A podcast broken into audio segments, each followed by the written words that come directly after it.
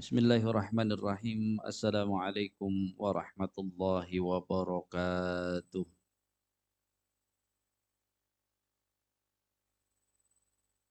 الحمد لله الحمد لله الذي خلقنا وجعلنا من المسلمين والذي أنعمنا بكل النعم وأنعمنا بنعمة الإيمان والإسلام وهو حق النعيم أشهد أن لا إله إلا الله وحده لا شريك له العزيز الحكيم. وأشهد أن محمدا عبده ورسوله الصادق الوعد الأمين. اللهم فصل وسلم على سيدنا محمد وعلى آله وصحبه أجمعين أما بعد. قال تعالى يا أيها الذين آمنوا اتقوا الله حق تقاته tamutunna illa wa antum muslimun. Mari kita mulai pagi hari ini dengan bersyukur pada Allah Subhanahu wa taala. Baik nikmat yang kecil, sehat, kekayaan, semua itu nikmat kecil. Jabatan juga nikmat kecil sampai nikmat yang tiada tara harganya adalah nikmat iman, nikmat Islam. Yang mudah-mudahan sebagaimana Rasulullah selalu mengingatkan setelah kalimat amma ba'du Rasulullah selalu mengatakan ya ayyuhalladzina amanu taqullah haqqa tuqatihi wa la tamutunna illa wa antum muslimun jangan sampai kita wafat mati kecuali dalam keadaan Islam, kecuali dalam keadaan kita masih memiliki keimanan. Jemaah sekalian, Majelis Taklim Al-Jannatu. Al-Jannatu itu surga. Walaupun kata Al-Jannah itu mustaqun. Mustaqun itu mengandung banyak arti karena asalnya. Dan disebut al-jannah itu karena sesuatu yang indah, tapi saat ini kita tidak bisa gambarkan keindahannya. Sebagaimana kata jannah itu sama dengan hutan lebat juga disebut jannah karena memang tidak bisa dilihat secara menyeluruh. Karena dalam ketentuannya disebut ada zulumatun salas, ada tiga kegelapan dia tidak akan bisa. Termasuk ya kalau nggak hati-hati nanti alih-alih al-jannah jadi malah al-jin. Nah, jin itu juga sama. Jadi kata janana yang artinya ya tidak kelihatan. Jadi ini biar kita jelas bahwa al jannatunya memang benar-benar al jannatu yang maknanya surga, jangan yang lain. Salawat dan salam mudah-mudahan tercurah pada Rasulullah Sallallahu Alaihi Wasallam, guru kita dalam Islam. Kalau kita di dunia ini punya guru-guru guru-guru yang lain, tetap itu hanya guru sebagian. Tapi guru utama kita dalam berislam adalah Rasulullah Sallallahu Alaihi Wasallam. Sehingga makin kita kenal dengan Rasulullah, makin kita benar-benar faham seperti apa kehidupan Rasulullah dan para sahabat, maka Islam kita akan makin bagus. Tapi kalau kita nggak kenal, gara-gara beda pendapat naik angkot, bulan depan, pekan depan nggak mau ngaji bareng lagi. itu gara-gara lemahnya kita gitu. Seolah-olah beda naik angkot aja bisa jadi hilang ikatan. Padahal baru beda naik angkot. Apalagi beda pendapat coba. Acaranya begini enggak menurut saya begini. Besok bikin dua majelis taklim satu lagi nanti uh, seleranya begini seleranya begitu udah tadi dua tambah dua lagi empat jadi lemah lemah ketika kita tidak memahami betul seperti apa Rasulullah Shallallahu Alaihi Wasallam dalam berislam. Hari ini kita akan menguatkan ikatan itu karena tema yang dipilih adalah tema luar biasa bersama sampai ke surga. Bersama sampai ke surga.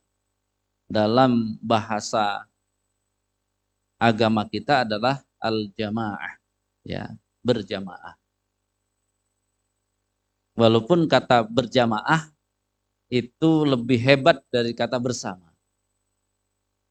Nah, ketika kita bicara tentang berjamaah, maka kata bersama tadi kita ganti dengan kata berjamaah, maka berjamaah harus memiliki kekuatan. Pertanyaannya, kekuatan jamaah apa? Ayo, kekuatan jamaah apa?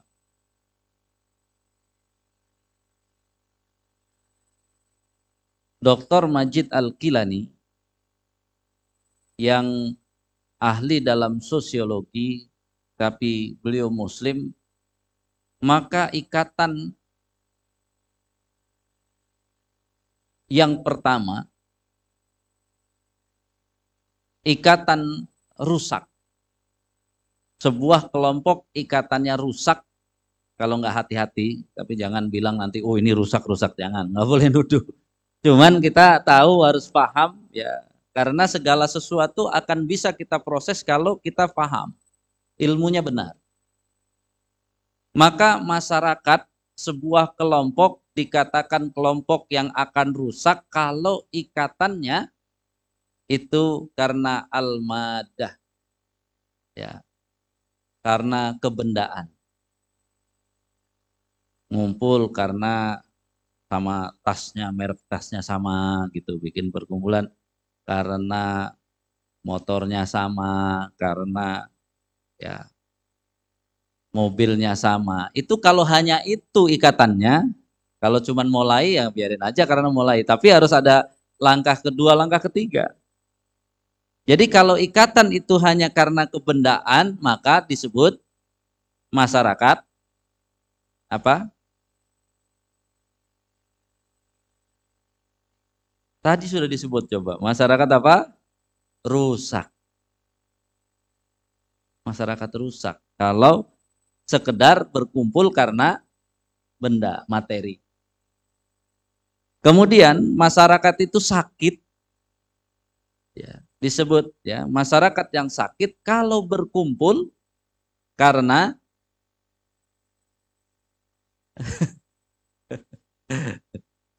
karena tokoh.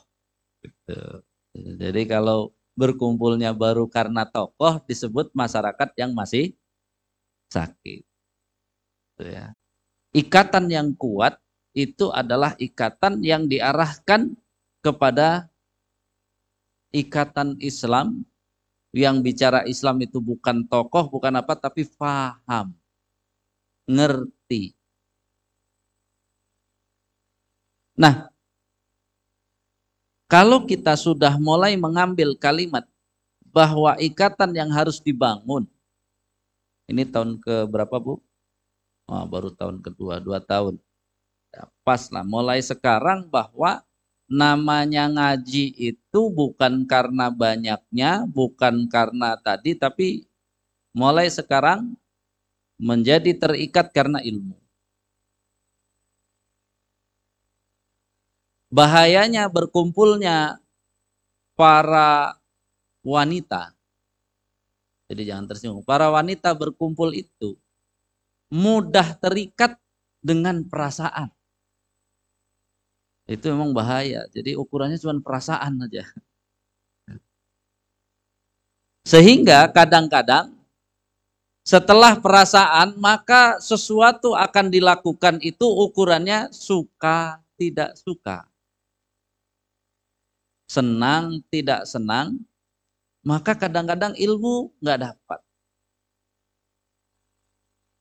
Saya tanya, ini majelis taklim sukanya kajiannya yang lembut-lembut atau yang keras-keras?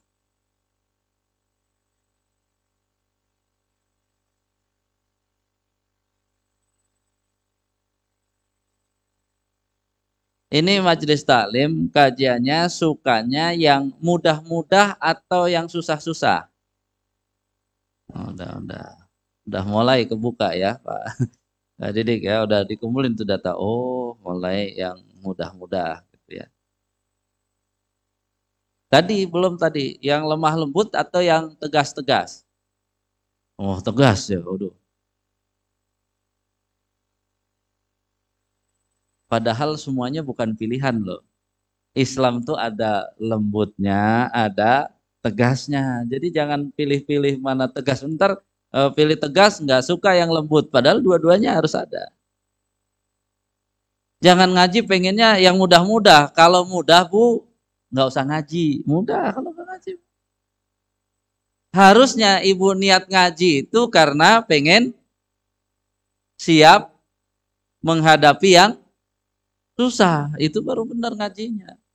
Masa ujian anak kita TK sama SMA sama? Itu kan kalau mudah kan ujiannya samain aja. Bahkan anak TK pakai ujian nggak? Anak TK pakai ujian nggak? Masa anak TK pakai ujian? Oh, ini sekolahnya. itu bukan ujian, dia mah bahasanya kalau ujian enggak, dia cuma dia apa? Jadi anak TK ada ujian enggak? Majelis talim ada ujian nggak? Berarti majelis talim sama anak TK. Candanya gitu ya. Jadi artinya belajar agama itu bukan untuk santai-santai, bukan.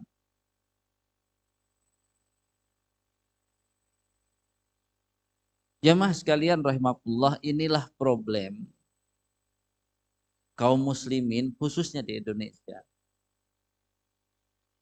Jadi yang laris manis itu kalau ngaji temanya itu habis ngaji 2-3 bulan langsung rizkinya nambah banyak. Oh, itu rame ngajinya.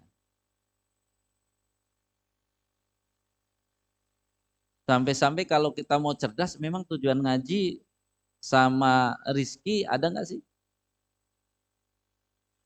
Ngaji sama rizki ada nggak? Ada. Oh berarti waktu umur kita empat bulan itu ada jaminan dapat ilmu dong. Waktu kita umur empat bulan dalam perut ibu kan sudah ditetapkan tuh. Yang ditetapkan ada ilmu nggak di situ? Ada. Umur. Rizki,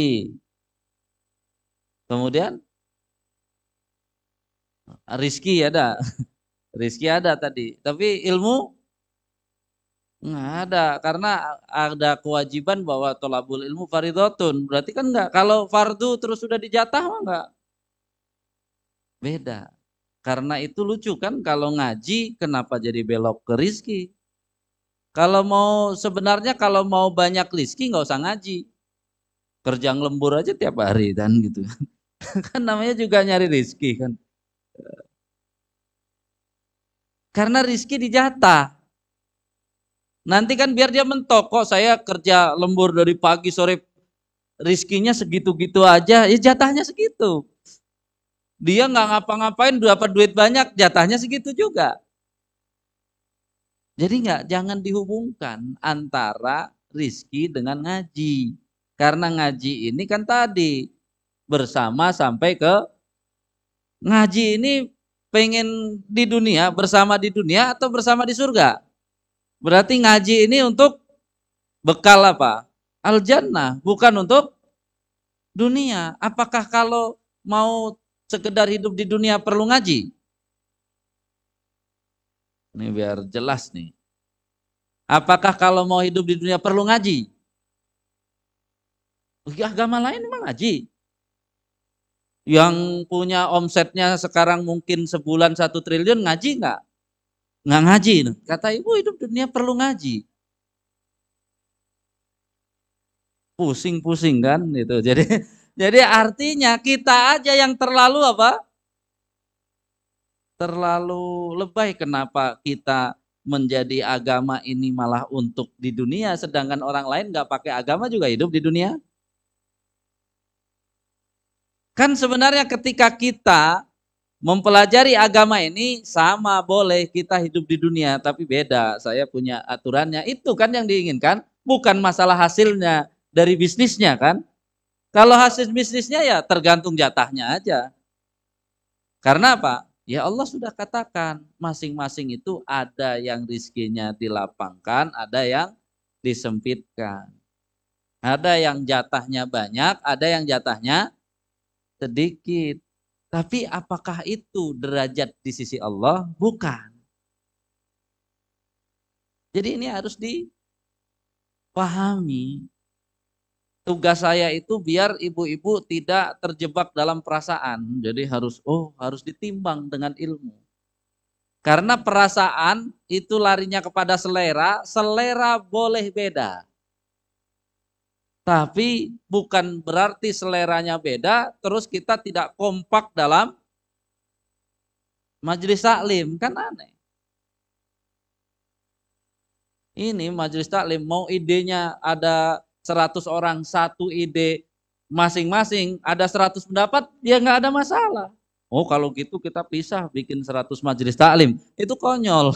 Hari ini kan selalu seperti itu. Kalau nanti beda ide langsung apa? Berarti ngajinya ngaji apa? Kan bingung kan? Jadi dia udah 10 tahun di majelis taklim, ilmunya ilmu apa? Begitu beda terus pecah majelis taklim. Jadi yang dipakai ilmu apa? Padahal kan sudah sering dengar wa tasimu bihablillahi jami'an wala tafarraqu selama masih bukan berbeda akidah harusnya tidak berpisah. Karena apa? Ya berpisah sampai membuat baru seolah-olah berbeda akidah sampai saingan. Ya kalau saingannya sehat, seringnya saingannya sehat atau enggak sehat? Nah, jadi sebenarnya bersama masuk surga atau bersama masuk neraka? Bisa bersama masuk neraka, gitu ya. Ini poin yang sekali lagi jujur lemahnya kita selalu saja lemah pada pemahamannya. Orang yang lemah pemahamannya, maka beda selera seragam saja bisa beda bikin majelis taklim baru, beda selera seragam gitu ya. Harusnya kan apa? Enggak, itu seragam kan urusan sangat kecil. Ya. Bahkan kalau paling bagus itu kan ngaji seragamnya beda-beda kan berarti bagus. Ini berarti bermacam-macam tapi tetap jadi satu. Ya. Nanti lama-lama kalau seragam itu menjadi ikatan, suatu saat dia seragamnya lagi dicuci, akhirnya nggak ngaji malu nggak beda. Jadi kan luar biasa itu jadi lucu. Jadi udah sekian tahun majelis taklim baru seragamnya kotor saja solusinya nggak ngaji kan? Jadi ini yang kuat ngajinya atau seragamnya? Ya kan akhirnya kenapa yang kuat seragamnya bukan ngajinya? Ya gara-gara seragamnya nggak ada jadi wah seragamnya entah ke mana habis pindah rumah beli rumah baru seragamnya nggak tahu cari nggak ketemu nggak ngaji. Sampai seragamnya ketemu baru kan lucu. Jadi apa yang dipikirkan selama bertahun-tahun di majelis taklim. Masalah yang begitu aja solusinya nggak tahu. Jadi jangan besarkan perasaan tapi besarkan pemahaman. Karena ikatan kebersamaan di dalam Islam itu sebenarnya adalah bukan dihitung di dunia ini. Yang utama nanti akan dihitung bisa masuk surga bersama atau tidak. Jadi kompak, harmonis, itu tujuan atau bukan tujuan? Kompak, harmonis, tujuan atau bukan tujuan? Makan bukan. Kalau kompak, harmonis, tujuan, maka apa? Al-Quran mendokumentasikan dua orang yang harmonis kompak tapi sampai ke neraka siapa Abu Lahab dan istrinya. Jadi kan kacau juga. Jadi membangun rumah tangga pun bukan asal harmonis. Harmonis mah gampang. Kompak mah gampang. Ibu-ibu gampang kan kompak sama anak-anak yang masih kecil rewel kasih gadget, kasih gadget. Insya Allah nggak rewel. Tapi kompak menuju ke mana? Kamu anaknya anteng, antengnya dikasih gadget. Kalau nggak dikasih gadget ribut, kan sebenarnya bagusan ribut nggak dikasih gadget lama-lama dia biar terserah kamu, kamu udah dikasih ilmu lagi terus sampai dia apa? Kompak juga, tapi nggak perlu gadget. Itu kan baru prestasinya. Jadi sangat sangat lemah ya pemahaman sangat sangat lemah pemikiran. Kadang-kadang saya mendengarkan misalnya beberapa kan misalnya ini motivator nih lagi bicara. Kadang-kadang yang dibicarakan motivator tuh kalau disebut tentang pemahamannya menjadi berantakan. Karena rata-rata yang dimotivasi itu walaupun baunya Islam, walaupun baunya surga, kadang-kadang yang dimotivasi itu kesuksesan yang terlihat di dunia. Sering terjebak di situ.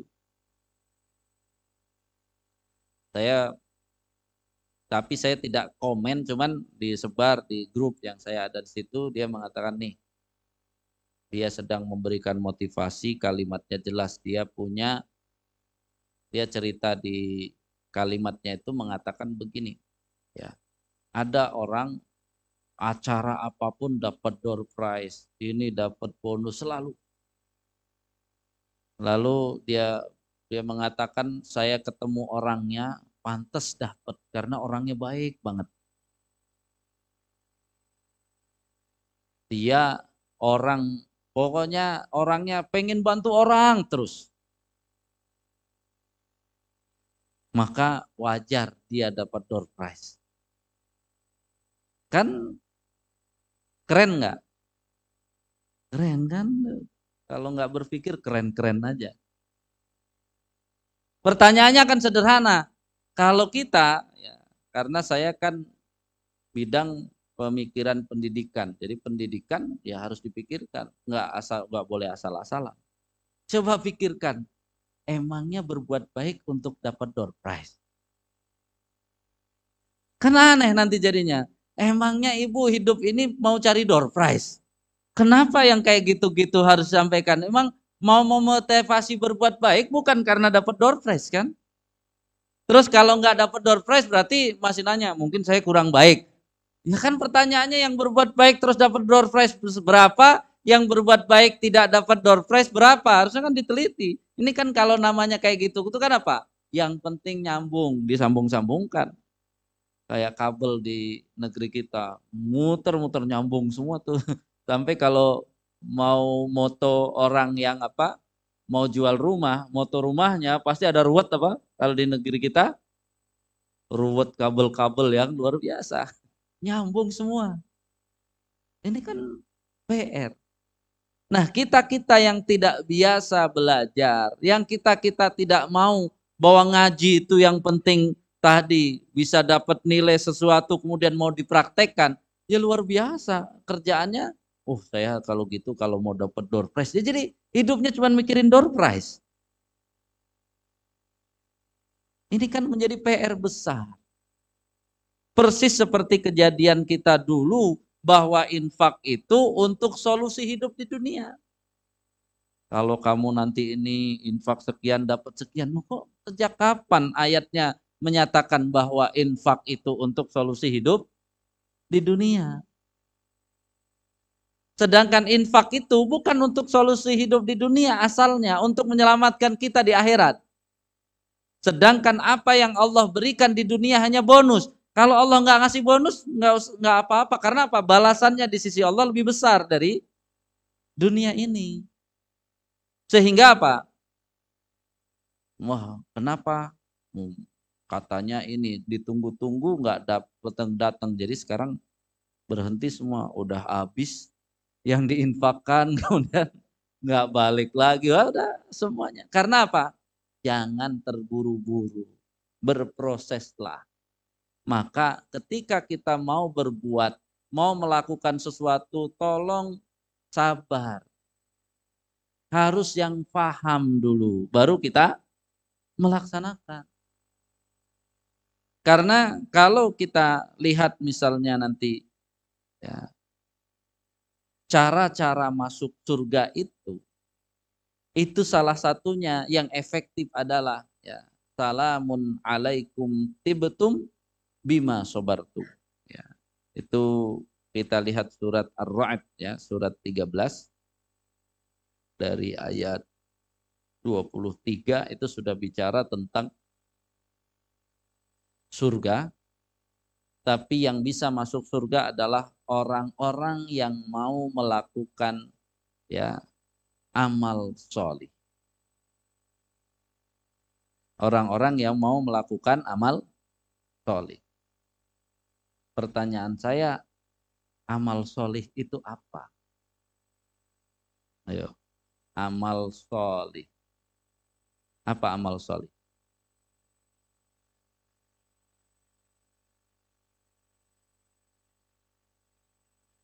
Ayo, siapa mau jawab apa amal solih?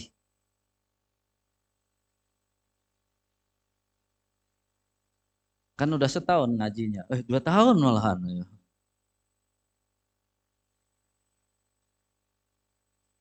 Sesuatu yang dilakukan karena Allah Ta'ala. Ada nyambungnya, tapi belum. Bukan itu kata amal solihnya. Sesuatu yang dilakukan karena ikhlas dan karena Allah itu sama.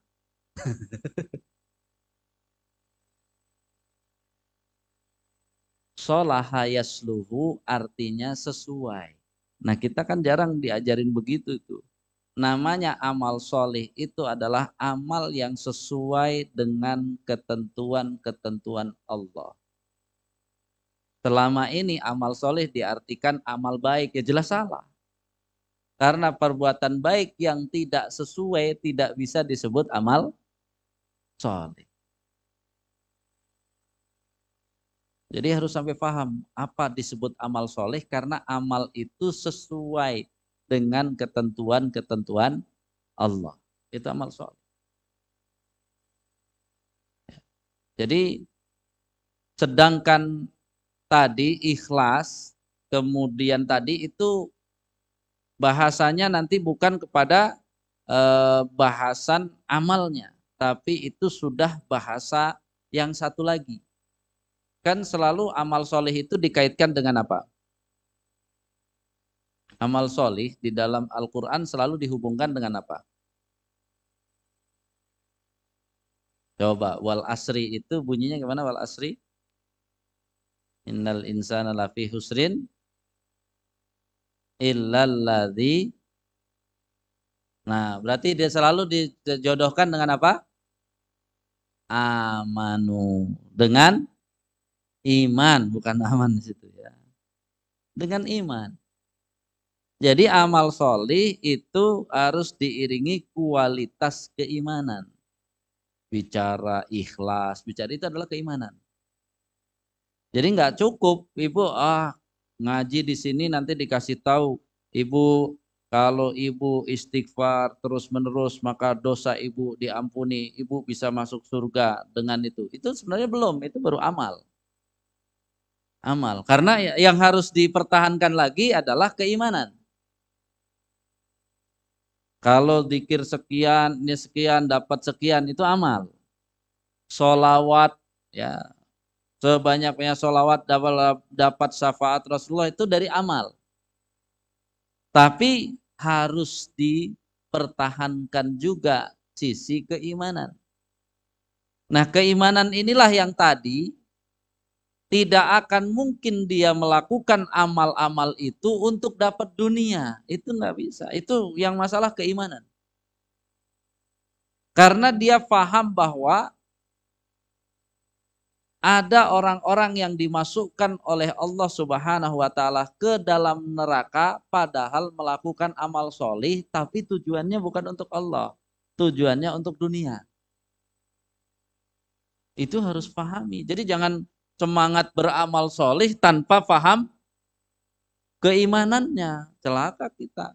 Kita merasa amal kita banyak, tapi ternyata pas di sana, saya kan amalnya banyak. Iya, siapa yang tidak mengakui amalmu banyak, tapi iman kamu yang masalah.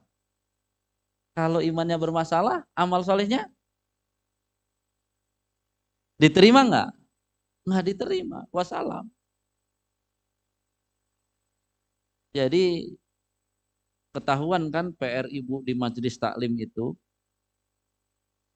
bukan dengan di majelis taklim akhirnya apa eh, membantu saya ngurus anak enggak ini kerja tambahan nih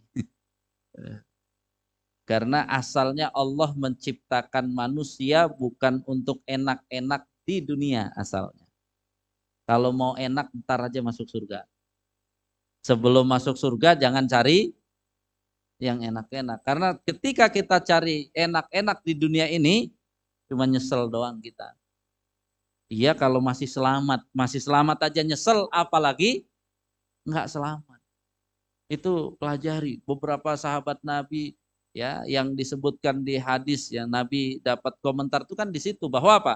Dia sudah sukses masuk surga juga, cuman gara-gara nggak maksimal aja nyesel. Kembali, jadi kebersamaan itu yang dimaksud jamaah adalah kuatnya ikatan keislaman kita. Karena semua kita ini bersaudara dalam Islam. Itu ambil dulu. Kenapa? Karena begini. Selama ini kalau namanya berjamaah, namanya bersama, yang sering diambil adalah bersatu. Padahal nggak harus satu. Pertanyaannya sederhana. Bersama, berjamaah, kompak. Itu sama apa beda? Bukan kata-katanya. Yang di dalamnya Orang bicara berjamaah, kompak bersama itu orangnya sama atau beda? Kalau sama ngapain pakai kata kompak, Bu? Kalau sama ngapain pakai kata bersama? Kalau sama ngapain kata berjamaah? Disebut berjamaah, kompak bersama itu tandanya isinya beda-beda. Itu kadang-kadang kan kita apa? Oh ini nggak kompak, nggak kompak atau nggak sama? Nggak sama dibilang nggak kompak, itu salah kita. Memang kalau nggak sama nggak kompak. Itu sendalnya nggak ada yang sama. Kanan sama kiri kan, coba pakai kanan semua kan kok keren. Namanya kompak itu kanan dan kiri gitu ya, itu kompak depan belakang. Ini mah lucu kadang-kadang giliran dalam pergaulan namanya kompak itu harus yang sama. Ya itu kan aneh-aneh. Kalau itu nggak ada jaminan. Karena Allah sendiri mengatakan bahwa ya kalau Allah kehendaki laja'alnahum ummatan wahidah. Kalau Allah berkehendak kita ini akan dijadikan umat yang jenisnya cuma satu. Tapi kan Allah pakai kata lau. Lau itu menganyatakan Allah tidak melakukan itu. Sehingga gara-gara kita tidak tahu saja seolah-olah kalau beda itu nggak kompak. Pertanyaannya coba belajar lagi. Apakah yang paling dekat ya Rasulullah, Abu Bakar dan Umar itu kan kuburannya aja bareng. Sampai ulama itu menyebut bersama di dunia sampai bersama di surga. Apakah mereka sama kalau berpendapat? Kan gitu. Kita ini kan kadang-kadang lucu. Kaum muslim ini nggak pernah bersatu, beda pendapat mulu. Lu beda pendapat nggak ada masalah. Seolah-olah kalau berjamaah itu nggak beda pendapat gitu. Itu Abu Bakar dan Umar biasa tawanan perang Badar. Kata Umar bin Khattab, mereka sudah menzolimi kita, mengambil harta kita, sudah mengambil semua. Cocoknya tawanan ini semuanya dibinasakan.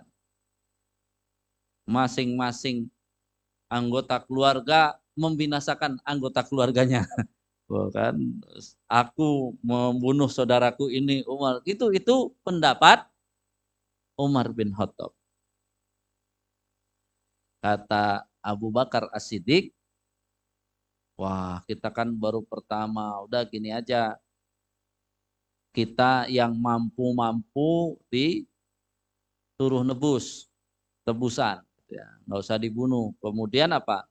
Yang tidak mampu tapi pinter, pinter baca, pinter nulis, pinter berhitung, disuruh ngajar, ya anak-anak kita. Coba kalau ibu suruh jadi penengah, dua orang pendapat begitu, gimana nengahinya? Gimana? Yang satu bilang mau dibunuh, yang satu jangan. Terus gimana cara menengahinya?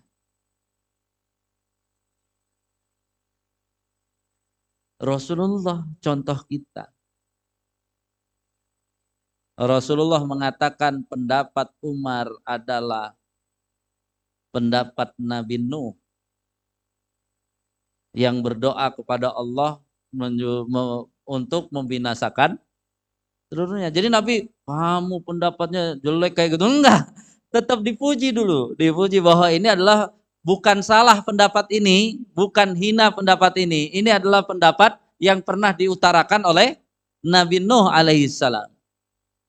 Sedangkan pendapat dari Abu Bakar adalah pendapat Isa ibnu Maryam yang mengatakan kalau mau dihukum silahkan gitu ya.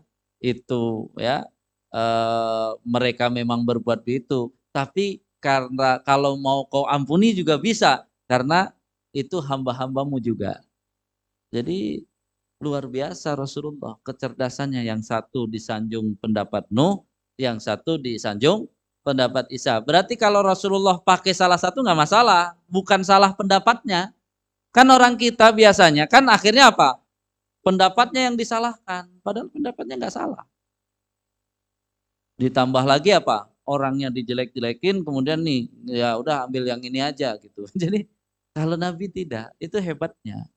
Ya, hebatnya Nabi bahwa apa pendapatnya kayaknya kan kontradiktif, tapi diambil keputusan oleh Nabi. Apakah Umar ibnul Khattab marah? Enggak. Bahasa yang dipakai seperti itu. Nah, kalau di awal ini kita pakai eh, kata Nabi kan di awal ini pakai pendapat Isa ibnu Maryam. Jadi bukan sebut Abu Bakarnya bahwa apa? Ya udah, yang apa? Yang punya saudara itu biar dia ditebus, yang tadi untuk diajarkan. Itu contoh bahwa apa? Jangan dikira ada nabi di situ semuanya kompak pendapatnya sama itu kita aja yang ngarang. Jadi kalau majelis taklim ini ada pendapatnya 10 berarti apa? Biasa saja kan?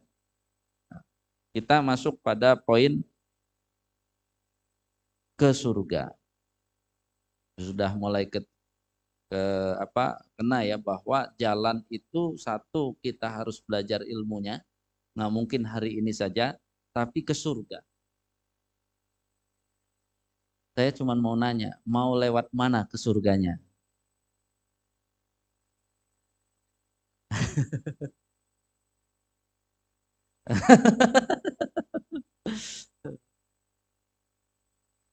Jadi ke surga itu yang paling menguatkan ya, kekompakan adalah ke surga menggunakan doanya Nabi Adam. Doanya apa? Surat Al-A'raf. Lihat surat Al-A'raf.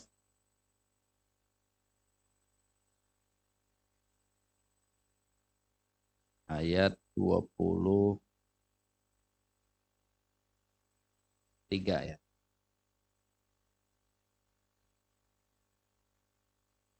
Qala Adam dan istrinya berkata. Nah itulah berdoa itu. Rabbana zolamna anfusana wa illam taghfir lana wa tarhamna lanakunanna minal khasirin. Sebelum kita ungkap ini, kenal Wahsy? Pernah dengar Wahsy?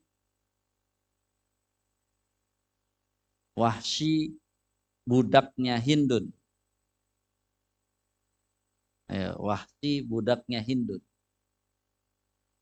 Yang melempar tombak Hamzah bin Abdul Muthalib, paman Nabi, panglima perang Uhud. Kalau ibu jadi nabi, kira-kira Wahsi itu mau diajak masuk Islam atau disumpahin biar masuk neraka? Udah nombak orang yang ya pembela Nabi luar biasa gitu ya yang akhirnya nanti jantungnya itu digigit ya bukan dimakan digigit oleh Hindun. Tapi begitulah. Kalau baru sekedar ya cuman ibu diomongin harusnya nggak perlu terlalu itu Nabi tetap tugas beliau adalah mengajak Wahsy untuk masuk Islam. Kita bersyukur ada wahsy.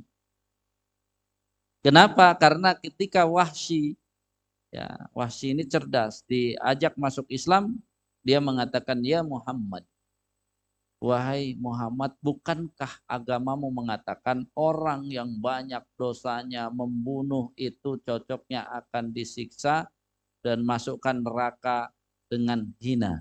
Cerdas juga dia ngerti. Nggak kayak orang kita udah kayak gitu nggak ngerti lagi kalau mau dimasukin neraka. Dia pede banget lagi masih berbuat baik. Tapi wahsy ternyata apa? Ngerasa. Ini ngerasa ini penting tapi lalu Rasulullah mengatakan iya. Agama kita mengatakan illa mantaba kecuali yang mau bertobat. Wa amana dan beriman wa amila amalan salihan dan beramal saleh ulaika yubattilunahum sayyiatihim hasanat.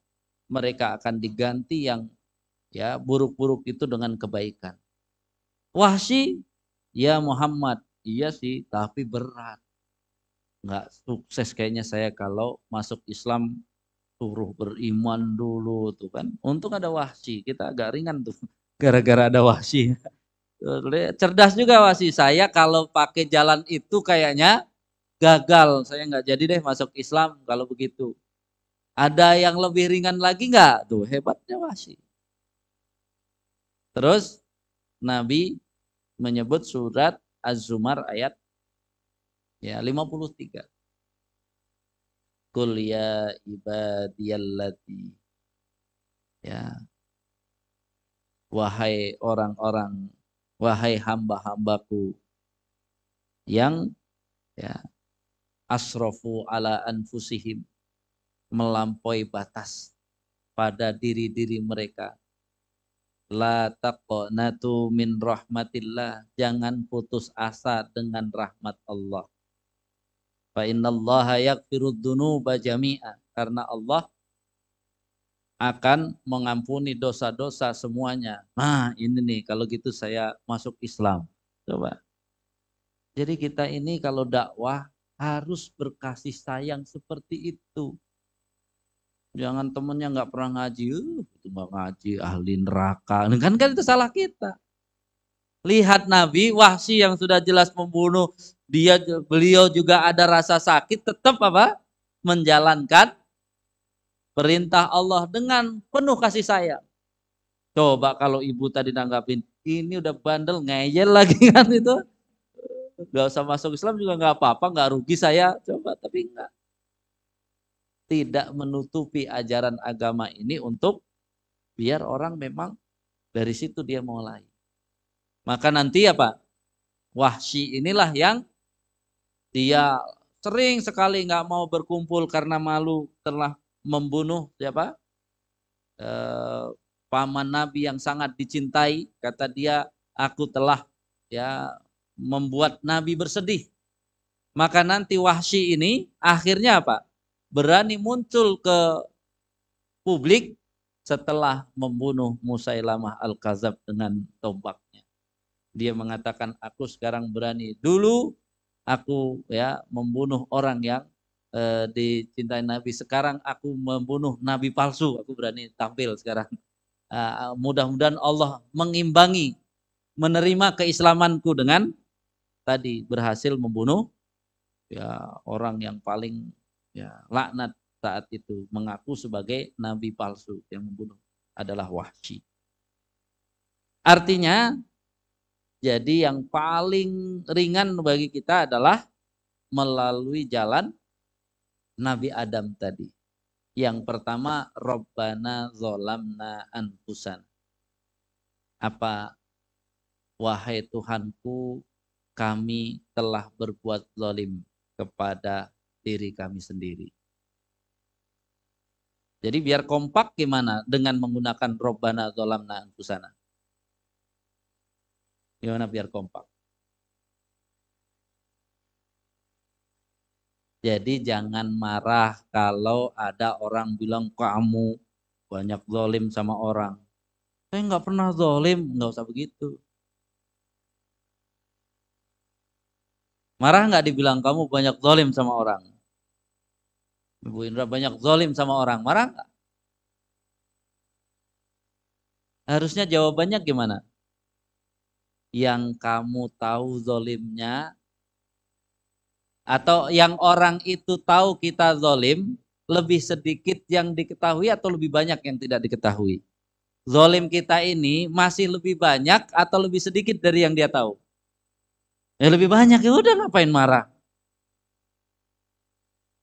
Itulah arti kompak kawannya bilang zolim, iyalah yang kamu tahu segitu, yang nggak kamu tahu banyak lagi dia biar oh, bengong dia kan gitu. Makanya zalim kita sama-sama zalim ayo biar nggak zalim ya kita belajar lah biar nggak zalim kok ngaji udah bertahun-tahun masih zalim jangan kebalik itu. Bahasanya apa?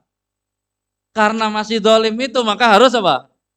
Ngaji lagi ngaji lagi. Kalau ngaji lagi masih zalim lagi ya semangat lagi ngajinya. Bukan malah apa? Dibalik Masa ngaji bertahun-tahun masih dolim, mendingan gak usah ngaji. Itu salah.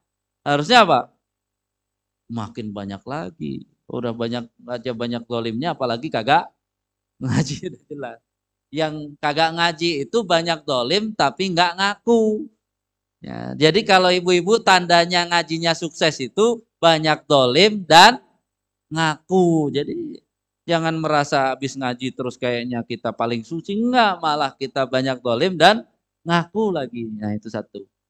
Itu kalau mau diampuni. Kalau enggak ya repot. Karena ini jalan paling ringan. Ngaku kalau zolim berarti karena zolim itu tapi bukan ngaku zolim terus diem. Akan pelan-pelan memperbaiki. Yang kedua, fa'il wa illam taghfir lana jika engkau ya Allah tidak mengampuni dosa kami. Ini wajah-wajah berbuat dosa termasuk saya. Iya enggak? Iya, oh, udah mulai paham langsung. Nah, gitu ya. jadi kalau dibilang sama anaknya, mama ini banyak dosanya. Iya kan. Oh, apa saudaranya bilang banyak dosanya. Iya, itu yang kamu tahu aja banyak. Yang kamu nggak tahu, Wah lebih banyak udah selesai. Biar hati ini beningnya itu di situ sebenarnya. Bukan beningnya kita solih banget nggak bisa. Ibu wudhu pengen sempurna. Kira-kira satu jam wudhu di kamar mandi sempurna nggak? Udah kesetanan namanya bukan kesempurnaan. Ya kan selama ini orang merasa kalau namanya orang beriman takwa itu apa-apa harus sempurna. Kagak Allah nggak nuntut itu. Daripada ibu sempurna, mending ibu ngaku aja, saya banyak dosanya ya Allah, gitu kan. Tapi banyak dosanya berarti lebih rajin tobatnya. Ini kadang-kadang banyak dosanya, Baru di WA tahunya kamu nggak usah gitu, kamu kan masih banyak dosanya. Apaan nih? Kan harusnya harusnya kan seneng. Oh iya ya, kita sama-sama ya udah tobat yuk bareng-bareng kan gitu. Jadi gampang kompak kalau sudah mulai ngerti. Artinya apa? Omongan kawannya seburuk apa pun kita cuma bilang apa? Yang kamu tahu segitu, yang nggak tahu lebih banyak. Jadi ya udah ngaji aja udah nggak usah ributin itu.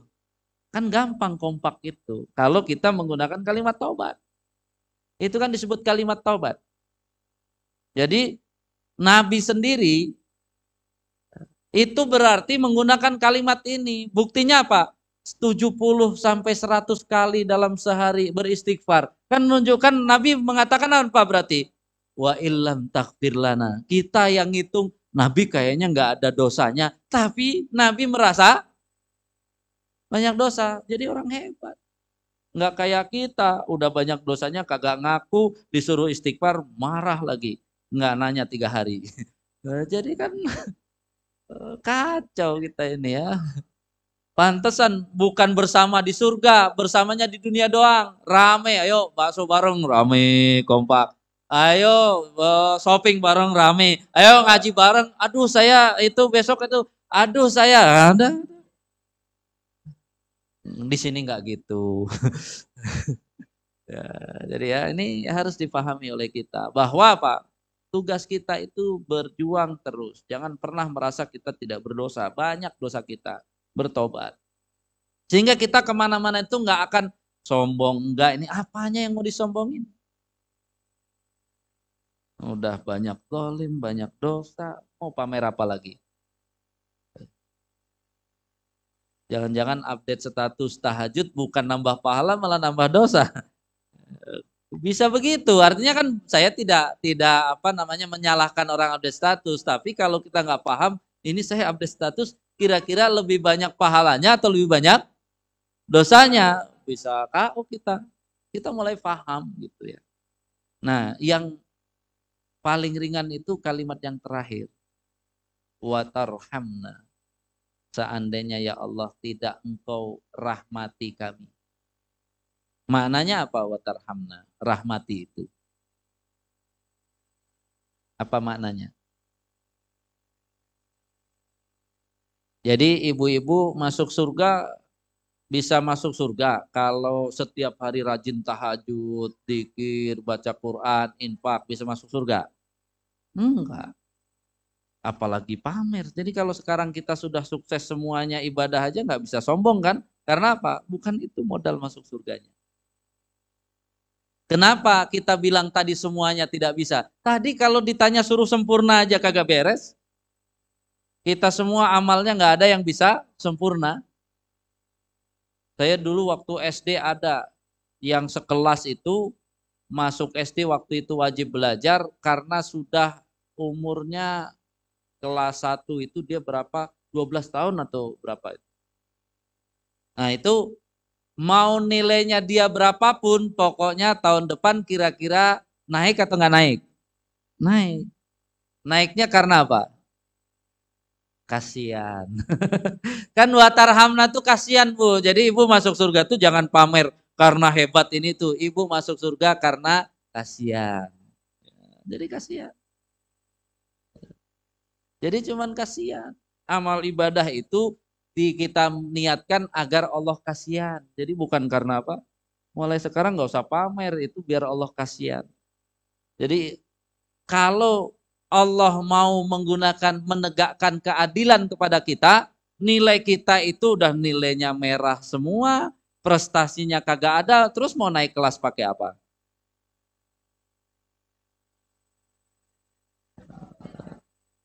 Ya itu tadi. Makanya makin rajin majelis taklim, makin banyak ilmunya pasti makin merunduk.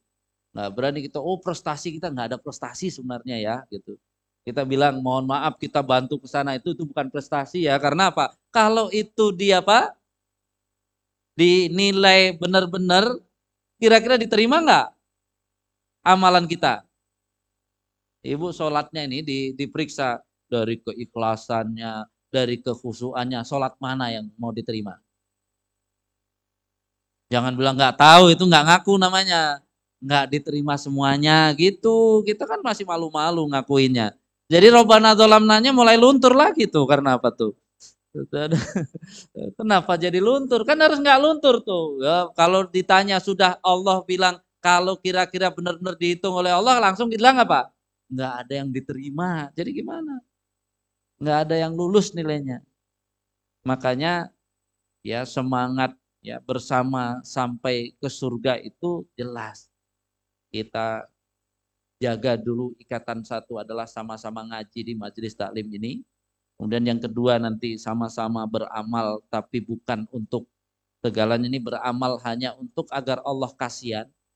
Ya, melakukan prestasi agar Allah kasihan. Jadi bukan hebat nih, lu tunjukkan saya udah hebat. Nggak ada hebatnya sama sekali. Nggak ada hebatnya sama sekali. Karena kalimat ini mohon maaf awalnya untuk Nabi. Sedangkan kata Rasulullah, Nabi itu adalah orang yang paling baik di dunia ini. Orang yang paling baik di dunia ini saja masuk surganya tetap menggunakan Robbana zolamna angfusana wa illam takfir lana wa tarhamna lanakunanna minal khosirin. Apalagi kita harus pakai itu. Sehingga apa? Semangat belajarnya, semangat tadi beramal solehnya, semangat, semuanya semangat. Dan jangan dibatasi dalam belajar. Islam ini isinya keseluruhan. Baik dari urusan pribadi sampai urusan negara. Jadi kita Islam. Kalau ada orang nggak paham itu berarti dia nggak ngerti Islam. Udahlah kita mak-mak urusannya yang apa yang gampang-gampang nggak ada yang gampang. Kalau sudah kaitan dengan Allah itu bicaranya jangan gampang dan susah. Bicaranya apa kira-kira? Mahal dan murah.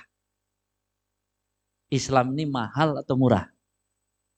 Mahal. Makanya jangan belajarnya asal-asalan. Itu namanya ibu menganggap Islam ini murah. Ngajinya sembarangan. Itu murah. Harus benar-benar sampai paham. Kalau nggak paham nanya kalau perlu ada ujian, kabur semua kalau pakai ujian. nggak usah lah. Yang penting kalau nggak paham, nanya. Karena Rasulullah juga nggak pakai ujian. Ujiannya langsung praktek. Wallahu alam bisawab. Mungkin itu sebagai pengantar pertama. Masya Allah, syukran Ustadz. Terima kasih, saya banyak tertampar nih Ustadz ya. Kanan, kiri, depan, belakang, atas, bawah. ya, ya. Intinya adalah kita minta belas kasihan Allah dan uh, semakin merasa uh, apa ya, apa yang kita lakukan itu nothing ya, meminta ridho Allah. Tapi saya satu ada satu pertanyaan Pak Ustadz ya. Kalau memang kita melakukan ibadah itu bukan karena untuk dunia, uh, ini saya cerita sedikit tentang diri saya. Pada saat saya marah, mencoba mengimplementasikan jangan marah, jangan marah atau lagi sedih gitu.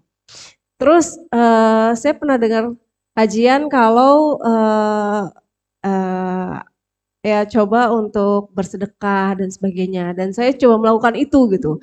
Dan itu uh, apa namanya uh, tanpa saya sadari pas udah beberapa jam kemudian gitu saya ngerasa oh iya ya kok saya nggak marah lagi ya kok saya nggak galau lagi ya gitu. Nah terus deh gitu uh, baru saya ngerasa oh ya apakah itu karena uh, sedekah tadi gitu. Uh, istilahnya kayak tos-tosan sama Allah lah gitu. Nah itu kan berarti mengharapkan dunia, mengharapkan dunia ya Pak Ustadz ya. Kalau misalnya untuk seperti itu gimana ya Pak Ustadz ya?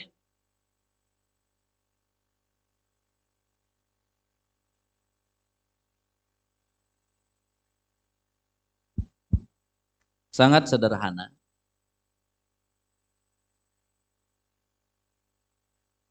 manfaat dunia itu bukan balasan dari ibadah kita. Tapi cukup keberkahan, sedikit keberkahan dari ibadah kita. Jadi sedekahnya itu kalau ilmu kita baru sedekahnya nanti biar nanti nggak marah, kita maksudnya cuma mau dapat itu nggak dapat pahala di sisi Allah maka jelas kalimat yang kita ulang-ulang itu adalah iya karena butuh wa iya karena stain. Iya karena budu itu adalah wama khalaqtul jinna wal insa illa liya'budun. Itu semua proses sebenarnya balasan dari ibadah itu adalah dari Allah dan utamanya di akhirat. Tapi fasilitas iya karena stain menunjukkan bahwa dari ibadah itu ada berkah-berkah dunia yang itu sifatnya bonus. Bisa ditangkap? Jadi terlalu kecil balasan dari Allah hanya untuk tidak marah. Terlalu kecil balasan dari Allah untuk misalnya rizkinya menjadi lebih banyak. Terlalu kecil Allah membalas cuma 10 kali lipat bahkan 700 kali lipat. Karena asalnya balasan dari Allah itu surga dan surga itu lebih dari itu. Jadi ini bicara tentang pemahaman yang luas. Sehingga sholat duha bukan untuk melancarkan rizki, terlalu murah. Sholat duha untuk melancarkan rizki. Tapi doa, silahkan doa minta rizkinya dilancarkan, itulah yang melancarkan rizki di dunia. Sedangkan sholat duhanya adalah bekal kita untuk menghadap Allah Subhanahu wa taala yang pahalanya memang rizki ibu ada satu triliun. Dua triliun. Kok kecil banget sholat duha cuma dua triliun. Sedangkan sholat qobliyah subuh lebih baik daripada dunia seisinya. Oke, okay, Ustaz. Terus uh, tips cara melatihnya gimana Pak Ustaz?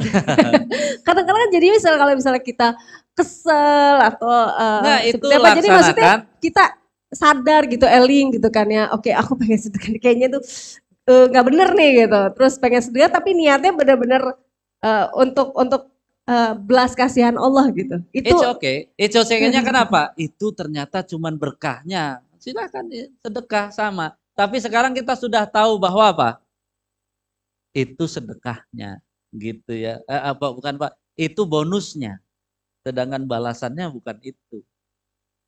Jadi silahkan sedekah. Tapi sekarang tahu ya Allah bonusnya saya hati saya tidak marah ya. Tapi pak balasannya di sana nanti saya tunggu. Itu maksudnya. Oke, tapi pada saat sedekah itu minta dunia boleh dong?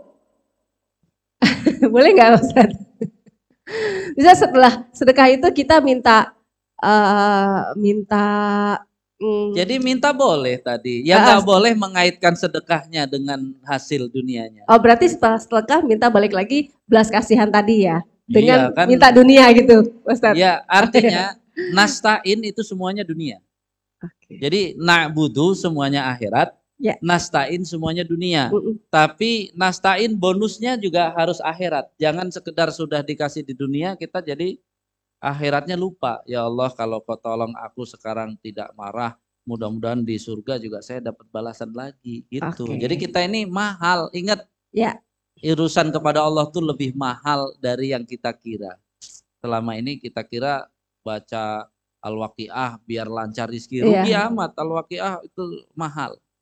Ibaratnya ya eh, bagi kita nih dengan pemahaman yang utuh insya Allah kita harus pelan-pelan. Akhirnya kita tahu makna ikhlas itu nggak ada hubungannya sama sekali dengan dunia ini. Dia akan terus melakukan amal, walaupun suatu saat sudah sedekah sekian, tapi marahnya masih muncul ya biasa-biasa aja. Oke. Okay. Karena kita udah mulai paham bahwa amal bukan untuk itu. Masya Allah, syukran Ustadz. Ilmunya mahal ya Bu ya. Luar biasa ini, ini ini buat saya nih tingkat tinggi ya karena saya juga masih belajar. Oke Ibu, mungkin uh, ada yang mau bertanya sebelum bertanya. Maaf ya saya dahulukan dulu pertanyaannya ya kan untuk Pak Ustadz nanti Ibu-ibu ada uh, momen pertanyaannya juga sebelum uh, uh, kita kita melontarkan pertanyaan, Ibu-ibu mau tanya, tampung dulu karena kita ada salawat dulu yang akan dipimpin oleh Ibu Ina. Dan uh, kita ada pemutaran keropak. Uh, mohon para jemaah mungkin bisa memberikan infak terbaik untuk apa? Untuk belas kasihan Allah ya, bukan untuk kaya, bukan untuk kalau yang lagi galau, bukan untuk itu ya Ustaz ya. Oke, tapi setelah memberikan infak, minta sama Allah ya monggo ya kan. Oke, silakan. Tafadol Bu Ina.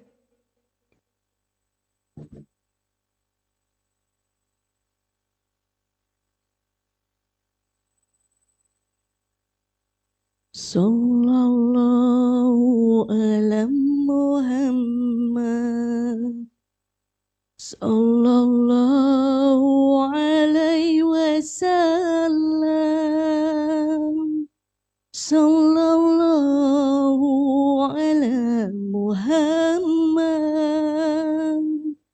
Sallallahu alaihi wasallam Sallallahu ala Muhammad. Sallallahu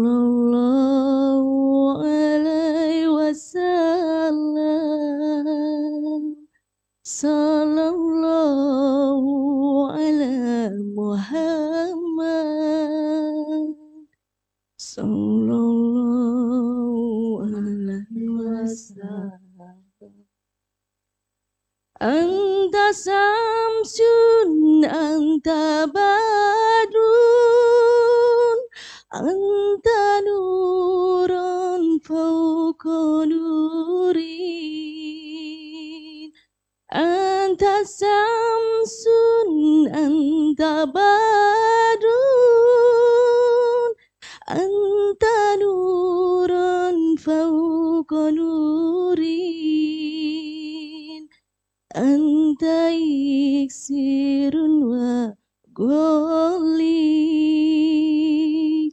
Anta mismau suduri sallallahu ala muhammad. Sallallahu alaihi wasallam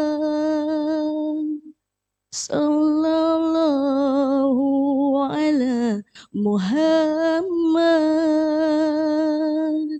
Sallallahu alaihi wasallam sallallahu ala muhammad. Sallallahu alaihi wasallam sallallahu ala muhammad sallallahu alaihi wasallam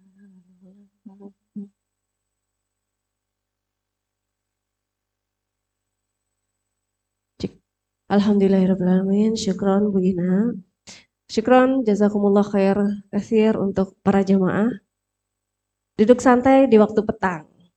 Lihat kucing berantem saling mengincar. Cakep. Hari ini jamaah yang datang semoga rezekinya makin lancar. Amin. Ini ini minta belas kasihan loh Ustadz, bukan minta dunia loh Ustadz.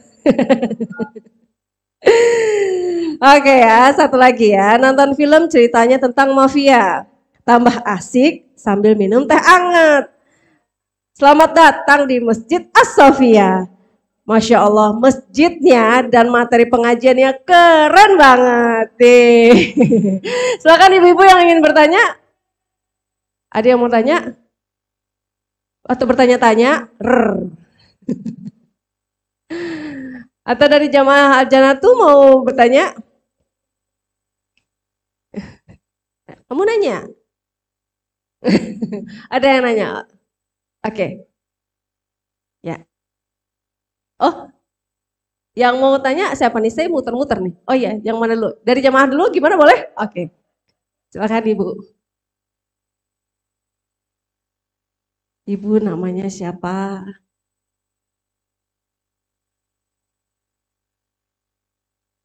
Bismillahirrahmanirrahim.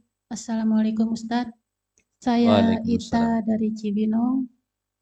Izin bertanya, mohon penjelasan tentang sholat sunnah, tahajud, dan duha. Eh, apakah boleh? Saya pernah eh, dapat ilmu gitu, maksudnya untuk penjelasan tambahan. Eh, empat rokaat eh, empat rokaat itu tanpa eh, atayatul atayatul awal tahajud dan duha Ke- kemudian boleh dua ya? Eh, kalau misalkan eh, saya bisnis ya, contoh kecil lah jual tanah gitu. Bolehkah misalkan eh, dari ibu ya, contohnya dari ibu, eh, contoh satu meternya misalkan satu juta. Terus apakah kalau eh, apa umumnya kan biasanya dua setengah persen dengan dari harga ibu ya. Apakah saya boleh misalkan memberi harga tambahan, misalkan satu juta setengah, gitu. Terima kasih Ustaz. Assalamualaikum. Waalaikumsalam warahmatullahi wabarakatuh. Silakan tafadhol Ustaz. Eh, utama sholat sunnah adalah dua-dua utamanya. Eh, untuk empat itu adalah kasus yang di sholat tarawih. Ada yang empat, empat, tiga. Itu keterangannya ada. Sehingga Rasulullah sendiri kalau sholat duha itu rata-rata tidak pernah empat, dua-dua. Jadi itu jawabannya. Artinya ketika sholat tahajud ada yang menggunakan empat ya nggak ada masalah. Tapi sholat duha hanya dua. Yang empat itu biasanya bahkan sholat tasbih pun yang kalau malam empat itu di siang boleh dua. Jadi dua gitu ya, terus salam, terus dua lagi. Artinya ini kan cara ya, cara itu asal ada panduannya jelas, beda itu biasa. Kalau cara. Karena intinya adalah bukan di cara itu, tapi kalau kita nanti belajar tentang ikhlas itu kalau Imam Ghazali menyebutnya lillah, lillah itu ada li adalah untuk dikaartikan karena Allah, li itu untuk Allah. Jadi ada karena, ada untuk, kemudian li milik Allah. Tingkatan ini yang tertinggi disebutnya adalah li milik Allah. Jadi asalnya semua beramal itu ya milik Allah saja. Toh kita bangunnya difasilitasi Allah, nafasnya, semuanya, semuanya jadi milik Allah. Nanti kalau Al-Hikam, beda lagi Al-Hikam itu mengatakan ikhlas ada ikhlas abidin, itu ikhlas kita bahwa kita melakukan amal untuk mendapatkan pahala, takut neraka itu ikhlasul abidin. Kemudian nanti ada ikhlasul muhibbin, ikhlasnya orang-orang yang sudah mencintai Allah, dia sudah uh, naik lagi dan yang tertinggi disebut ikhlasul arifin, ikhlasnya orang-orang yang sangat mengenal Allah. Artinya kalau kita proses yang dinamakan torikoh saja, itu kan intinya dia ma'rifatullah. Sudah kenal dengan Allah. Tapi yang harus ditanya setelah kenal Allah mau ngapain? Bahasa yang sering dipakai itu sudah tidak tergoda dunia, sudah tidak untuk dunia semua. Tapi pertanyaannya untuk apa setelah itu? Maka orang ini perkataannya kalau memang benar sudah tidak cinta dunia, benar sudah tidak tergoda dunia, maka tugas dia adalah harus menjadi pemimpin yang mengatur dunia. Jadi bukan lari karena udah nggak selera dunia terus ngumpet di sana nggak peduli dengan kehidupan dunia salah. Nabi kita mencontohkan setelah ketemu Allah tidak tergoda dunia, ditawarkan oleh Quraisy harta, kedudukan wanita, Nabi tolak, maka oleh Allah untuk mengujinya Nabi menjadi pemimpin. Atur dunia ini karena kan dia sudah tidak tergoda lagi.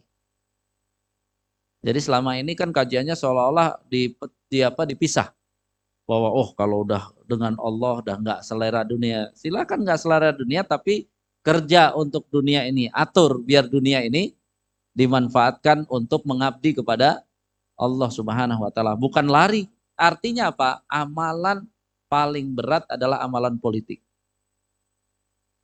Kekuasaan itu paling berat. Jadi Kalau dia sudah tidak digoda dunia, kemudian tidak cinta dunia, terus nggak peduli dengan dunia ini, apa buktinya? Kan dia nggak ada godaan lagi, orang dia minggir. Kalau kira-kira mau ngaku lulus, nggak ikut ujian, jadi lulus atau nggak lulus? Harusnya kan kalau memang benar dia sudah apa? Hatam dunia ini maju. Dia jadi pemimpin mau diapain aja enggak, mendingan mati saya kalau disogok, mendingan nah itu udah. Jadi kita ini sering diacak-acak seolah-olah orang yang cinta dengan Allah udahlah nggak usah ngomong-ngomong ini ini kotor. Kan salah jadinya bukan itu. Agama Islam tidak bicara seperti itu. Ya kalau memang udah lulus kan tinggal apa? Ikut ujian dong kan katanya udah siap. Ikut ujian. Jadi pemimpin yang adil pemimpin yang amanah pemimpin yang mengabdi kepada Allah pemimpin yang takut dosa pemimpin sudah. Jadi itu yang dicontohkan oleh Rasulullah. Makanya tadi guru kita adalah Rasulullah. Jadi jangan kita mengaku sendiri uh saya udah kenal banget sama Allah surga tinggal ketuk enggak kamu kalau memang sudah punya poin tadi maju dong atur dunia ini. Tunjukkan bahwa kamu nggak tergoda lagi. Nah untuk samsaroh itu sah. Tadi samsaroh namanya dalam ilmu ekonomi Islam. Jadi yang penting ibu jualkan. Kan pembeli itu makanya nggak boleh pokoknya nggak usah ditambahin terserah. Jadi poinnya itu kan ibu jasa menjual. Jasa menjual itu yang ditanya adalah bapak mau jual berapa. Dan yang sebenarnya yang punya barang nggak usah nanya kamu jual berapa sih, itu jadi susah. Di kita kan kadang-kadang lebay itu. Wah akhirnya di kawannya ngomong kamu yang punya barang di apa jual sekian, padahal dia jual ke sana dua kan setelah Ya kalau gitu nggak usah jual, jual sendiri aja. Belum tentu. Kan Allah itu kadang-kadang rizki pas kita jual nggak bisa karena dia sering jual, kalau dia bisa walaupun harganya lebih, ya itu sah kan yang penting harga awal tadi. Jadi itu sah, itu namanya makelar itu bahasa uh, ininya samsara. Halal. Jadi ya itu sah saja. Cukup, Ibu? Atau ada pertanyaan lagi atau penjual pertamanya sayanya harus tahu nggak kalau naikin harga gitu? itu pertanyaan. ah, itu lagi ya jadi jangan pertanyaan tadi Ustaz. Ya, makanya udah dijawab kan. Iya. Iya. Nya, eh, yang punya tanahnya ibu ini boleh tahu saya ngomong gitu maksudnya. Bu, saya mau hargain satu juta setengah. Asalnya nggak nggak perlu karena Oh. itu eh, samsaroh tuh begitu. Samsaroh tuh kan maklar. Ya, maklar tuh nyari penjual, ya, penjual mau jual berapa, dia nyari pembeli, Pembeli. pembeli berapa. Asalnya nggak usah. Ya kalau mau tahu ibu aja sendiri yang jual kalau dia nanya-nanya. Ya kalau ibu nggak nggak mau dijualin ya nggak usah. Kalau harga kan terserah yang mau jual. Yang penting ada yang mau, itu yang penting. Kalau dua setengah persen yang saya tahu umumnya kan ibu kasih satu juta berarti dua setengah persen dari satu juta itu yang saya tahu ya. Itu malah sebenarnya nggak bebas kan. Pantesan kalah dengan penjual lain. Jadi penjual lain itu kalau namanya properti itu caranya berapapun. Yang penting yang ditanya ibu mau jual berapa. Ya segitu uang mau diberikan. Saya tidak akan ngambil dari harga yang ibu tetapkan. Saya akan eh, menggunakan harga yang saya Sendiri. harus dapat untung. Itu yang bagus. Kalau maaf tambah lagi ya.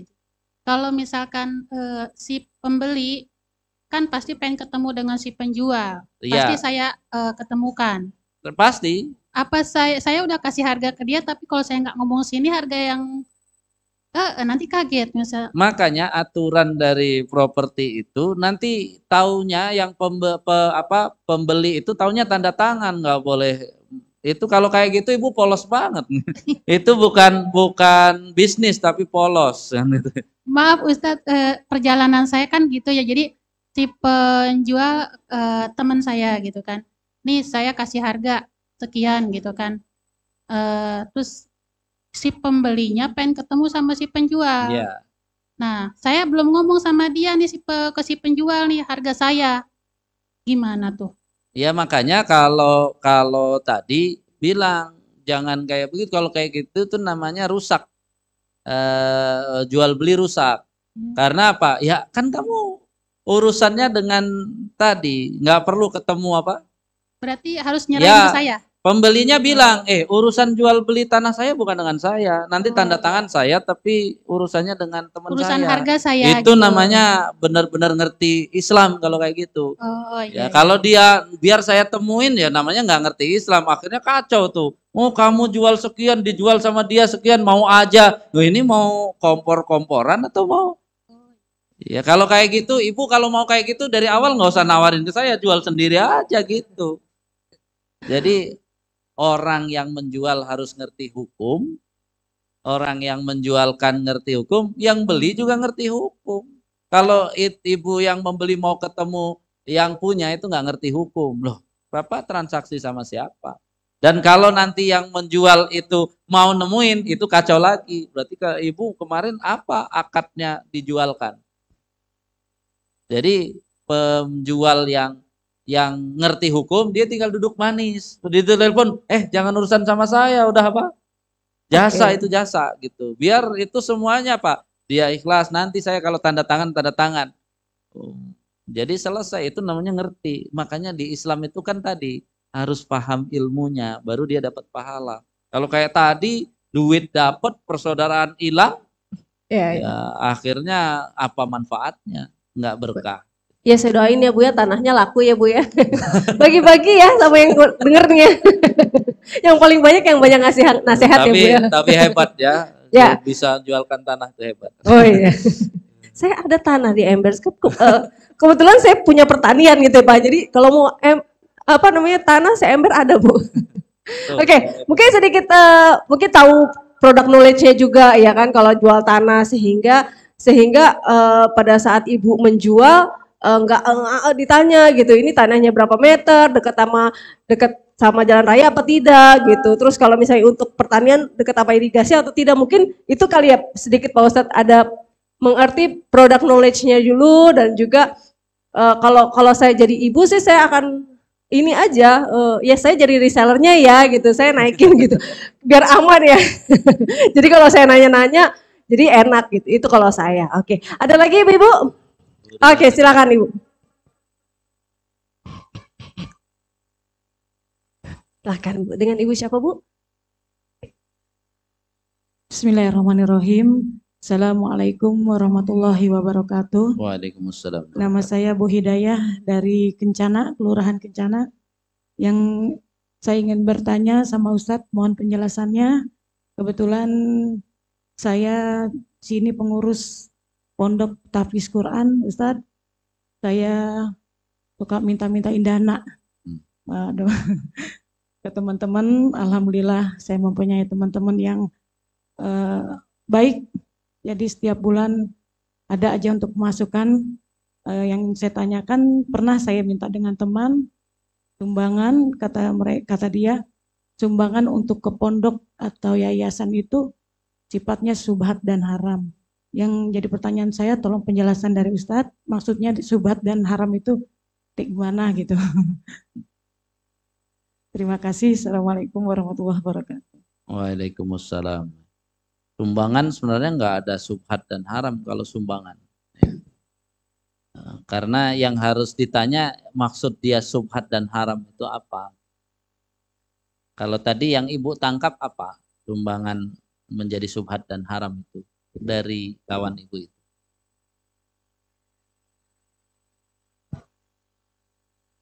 Kalau saya sendiri sih apa namanya Ustaz? Tidak ada emang subhat itu tapi saya kan belum paham banget. Tujuan saya kan mengajak teman untuk kembali lagi eh, ke dia ya, dia ngasih berarti kan kembali lagi pahala buat mereka.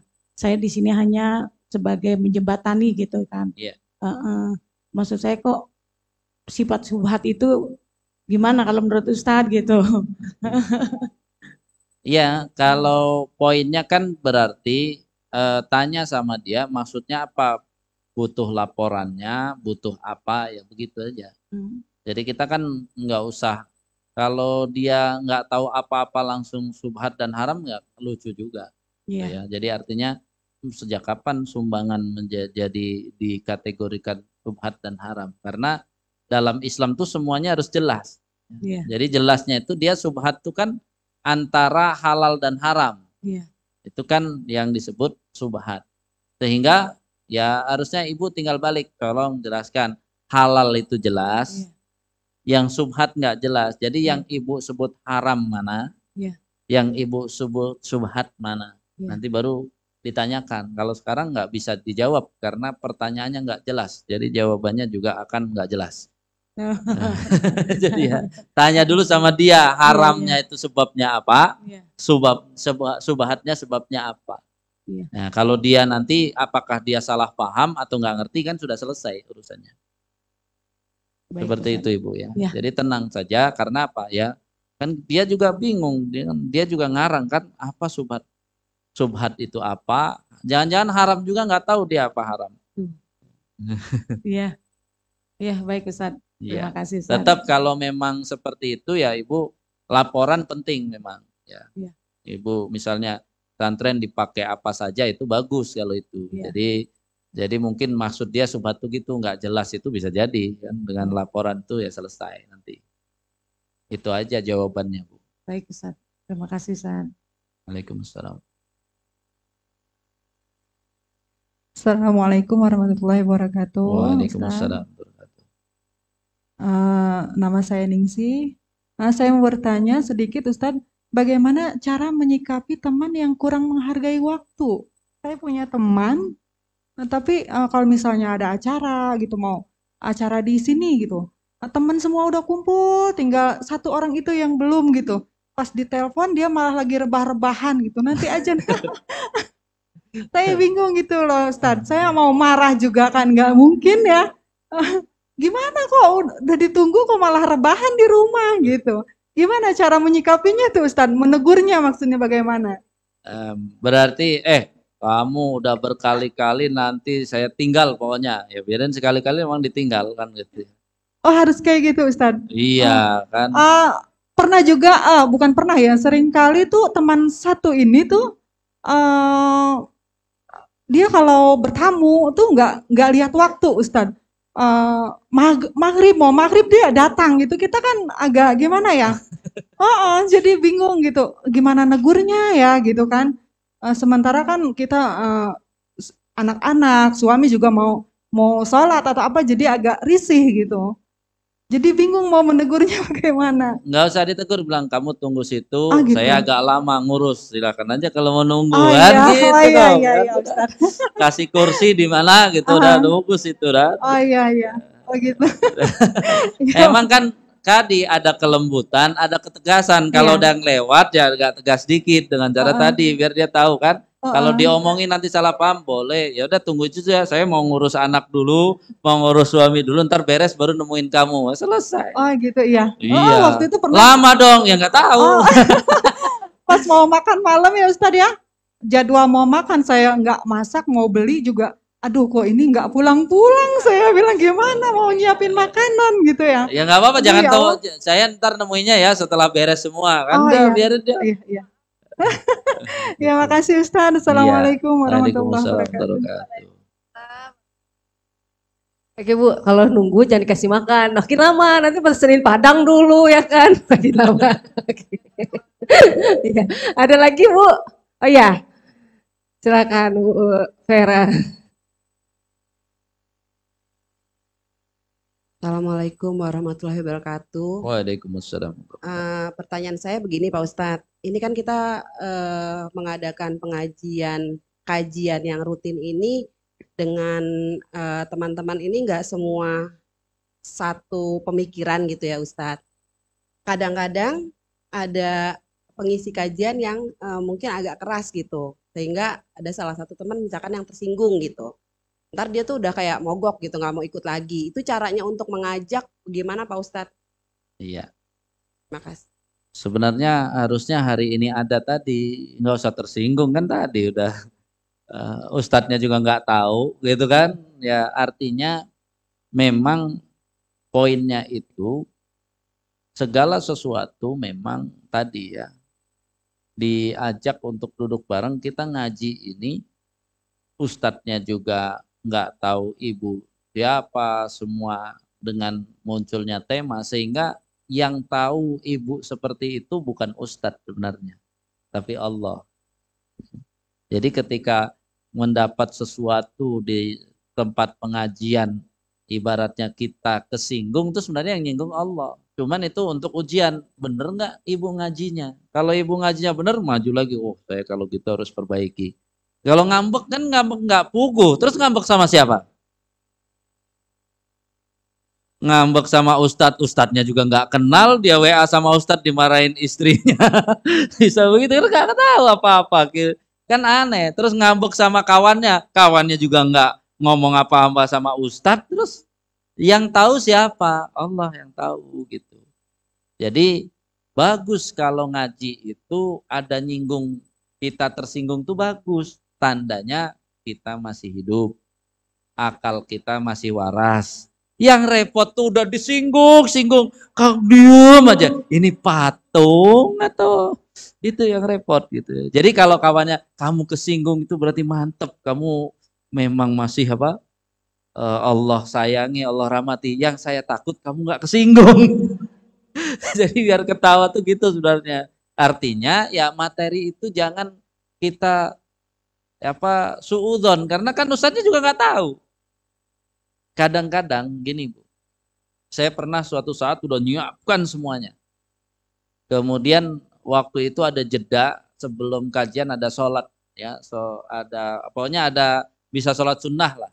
Ya waktu itu sholat sunnah ya Allah saya nggak tahu ini harus seperti apa. Tiba-tiba materi berubah. Bisa begitu.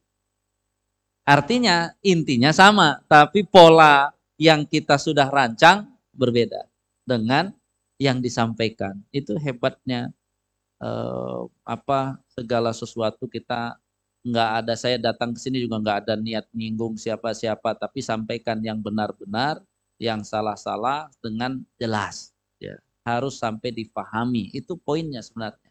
Maka ketika kita niat mengajar itu sampai dipahami insya Allah orang-orang yang ketemu kita makin cerdas makin paham makin maju sehingga apa PR kita sebagai dai nggak banyak. Hari ini kelemahan para dai itu menganggap ibu-ibu ini orang awam nggak tahu apa-apa. Akhirnya apa? Dari dulu itu aja diulang lagi dulu. Akhirnya ya bosen lah apa. Terus apa? Pas diuji, ini belum ada ujian saja. Ya, suatu saat kalau kita ketemu makna ikhlas aja bisa muter-muter tuh bu. Coba ikhlas itu apa? Muter sana, bener kayak gitu nggak tahu. Muter ke sini, padahal makna ikhlas. Mama jangan dikasih ujian, Ustadz, ujian hidupnya udah banyak.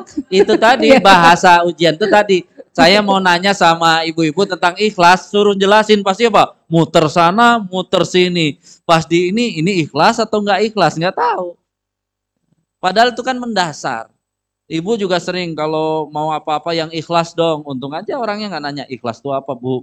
Wah, pusing pas turun gas. Ya udah kita pandai-pandai bersyukur. Bersyukur itu apa bu? Gitu.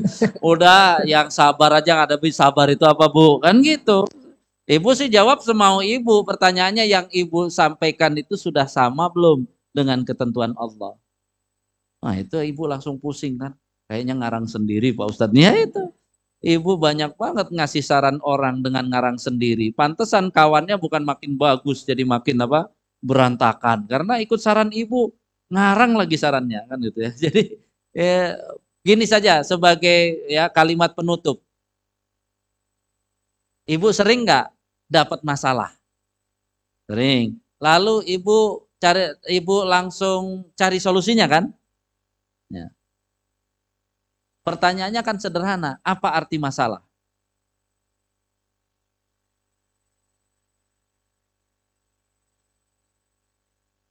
masalah itu sesuatu yang ibu nggak tahu. Ya, itu namanya masalah. Aneh kan? Ibu nggak tahu, terus ibu cari solusi. Lucu banget. Kan harusnya kalau ibu dapat masalah, nomor satu berarti solusinya apa?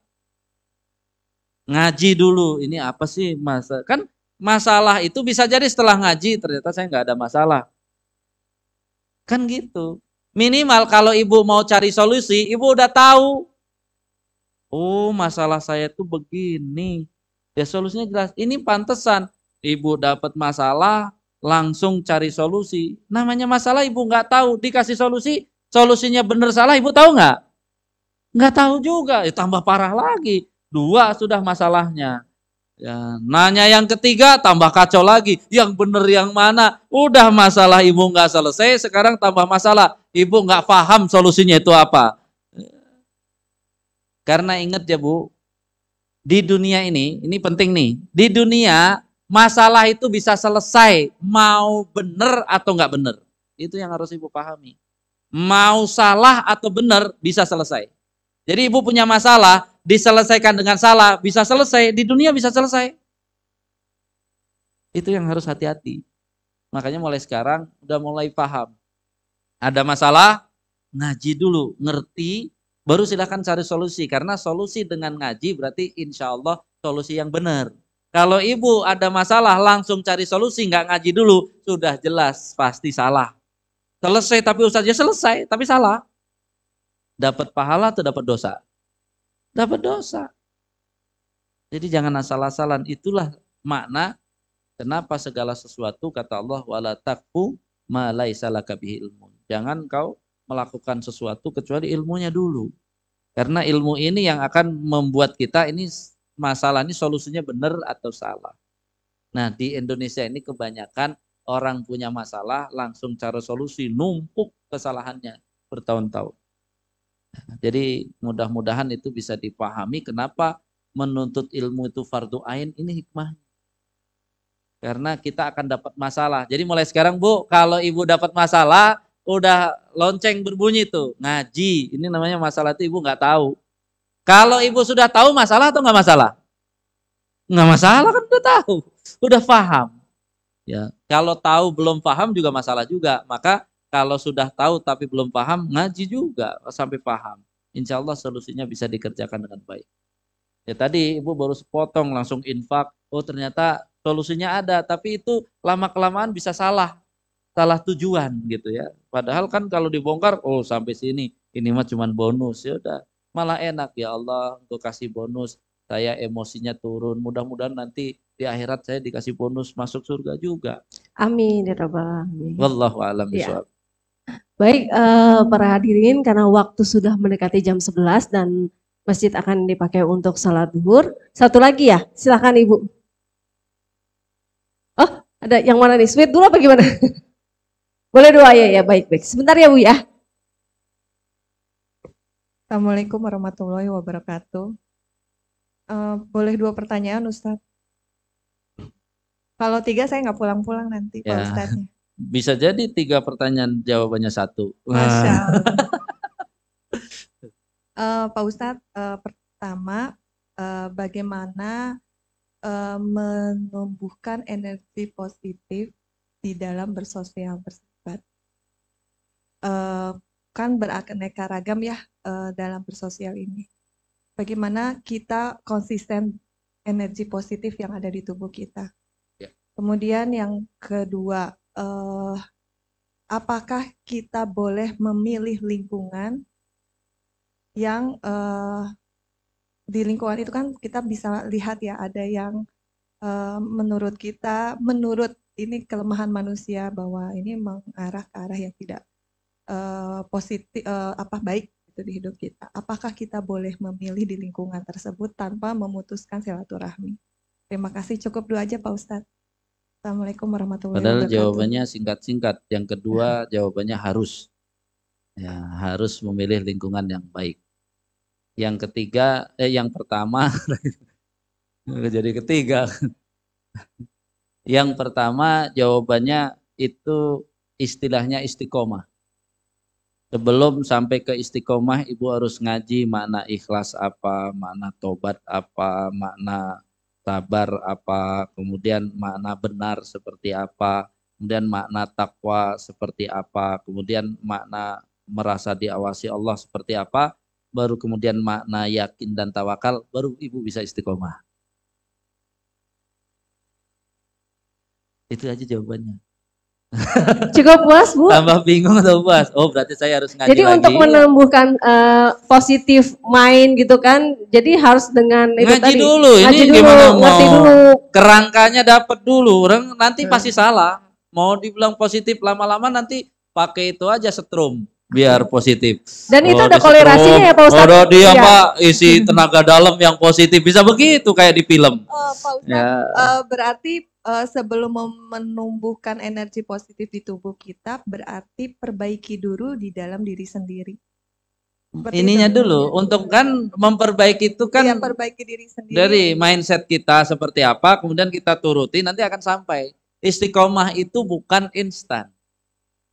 Istiqomah itu bukan instan. Nah selama ini kita main pengen minta doa istiqomah. Ya doa banyak kan bukan doa saja yang buat istiqomah. Ya, artinya tadi kita harus mateng di poin-poin tadi. Ikhlas itu apa gitu ya. Karena kadang-kadang nih dari sini mulainya. Baru kemudian tadi sabar saja. Ngaji sabar ini orang kadang-kadang sabar tuh artinya cuman sabar dalam kamus bahasa Indonesia aja. Ulet, nggak neko-neko, kuat, dibilang sabar. Belum tentu. Karena dia harus ngerti dulu sabar apa menurut kamu. Jadi sabar. Sabar, perbaiki diri, kemudian yang menunjang adalah lingkungan ya Pak Ustadz. Ya lingkungan kan harus. Tapi semua itu nggak bisa untuk sekarang langsung istiqomah kalau belum tadi rangkaian itu ya ini PR jadinya nih. Ngaji, kapan kita ngaji ikhlas tadi kemudian itu karena itu urutan untuk sampai istiqomah itu Imam An Nawawi menyebutnya setelah lewat itu itu baru bab istiqomah baru dapat. Oke, baik. Ada kolerasinya ya pertanyaan satu dan no- nomor dua ya. Itu Satu kasih. adalah tadi eh, menumbuhkan positive mind dengan cara ilmu dulu ya.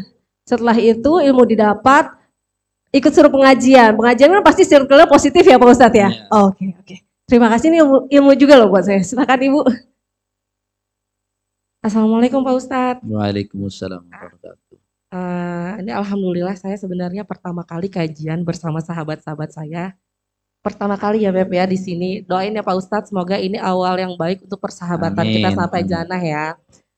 Nah, eh, selanjutnya pertanyaannya udah saya catat ya Pak Ustadz. Cuman dua sih Pak Ustadz. Pertama itu sebenarnya pertanyaannya adalah bagaimana sikap kita menyikapi teman yang merasa dirinya benar eh, kalau dikasih tahu kitanya tuh berasa salah terus Pak Ustadz. Iya. Ya alhamdulillah sebenarnya kita tahu dia bagaimana. Cuman dia sekarang lagi eling gitu loh Pak Ustadz. Alhamdulillah. Terus pertanyaan yang kedua, eh bagaimana itu eh, maunya dia itu diturutin tapi tidak mau mengikuti apa maunya kita gitu. Eh, Malah dianggap tidak menghormati dia kalau kita tidak mengikuti dia gitu. Terus sebaiknya bagaimana ya untuk menyampaikan ke dia tanpa membuat dirinya tersinggung gitu. Supaya kita tetap bersahabat sampai janahnya Allah. Iya. Terima kasih Pak Ustadz. Assalamualaikum. Silakan Pak Khusus persahabatan harus ada orang ketiga. Harus ada orang ketiga ternyata kalau persahabatan itu. Artinya orang ketiga adalah orang yang benar-benar dia ya tahu kapasitasnya seperti apa sehingga kalau dia ya menyampaikan akan dia juga menerima. Itu yang harus di eh, dimulai ya tadi. Udah poin-poin yang yang seperti tadi itu kalau antar selevel itu nggak akan selesai. Nggak akan selesai. Jadi berdebat di situ itu nggak akan selesai. Menurut tapi kalau memang nanti e, menyusahkan ya kita bilang aduh maaf ya karena susah ini. Yang kan nggak apa-apa. Karena hadisnya bilang ya tahabba fillah ya tafarroko ya, jama'a fillah wa tafarroko alaihi juga fillah. Ya nanti aja ya nih karena kalau kita sekarang ini bersama begini malah jadi eh, negatif tadi kalau bicara energi negatif ya kita em, ini dulu gitu ya kita kan tadi berpisah dulu karena Allah agar suatu saat bisa bertemu juga karena Allah. Itu yang terpenting. Karena apa ya kalau kayak gitu nanti urusannya nggak maju-maju ngurusin temennya doang nggak ada ngurusin yang lain-lain artinya coba dulu ada nggak seseorang yang dia bisa dengar, dia bisa itu, kemudian tanpa disengaja tadi ngumpul, ternyata dia kagum dengan orang itu terus dia menyampaikan, ya sudah dikasih tahu dulu dia suka seperti ini sehingga apa? Ya mungkin membahas persahabatan dan sebagainya, tapi sifatnya secara tidak langsung. Terima Sudah- kasih. sudah semuanya ya, dua-duanya ya? Iya. Oke, baik Pak Ustadz. Eh, terima kasih Pak Ustadz, Masya Allah. Sebentar. Tapi kalau misalnya saya tanya lagi Pak Ustadz, kalau itu terjadi pada teman, kalau kita sama saudara sendiri gimana Pak Ustadz? Ya.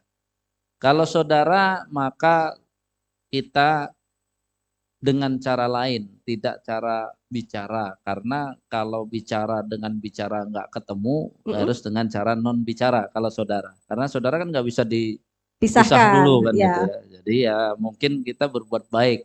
Ya, Oke. Jadi kalau dialog tadi adalah cara Ali bin Abi Thalib. Nah, Ya. kalau yang memberi solusi tadi adalah cara Utsman bin Affan. Mungkin Oke. dikasih apa gitu ya. Jadi itu kalau dengan Oh. saudara ya. Jadi Oh, seperti oke. itu.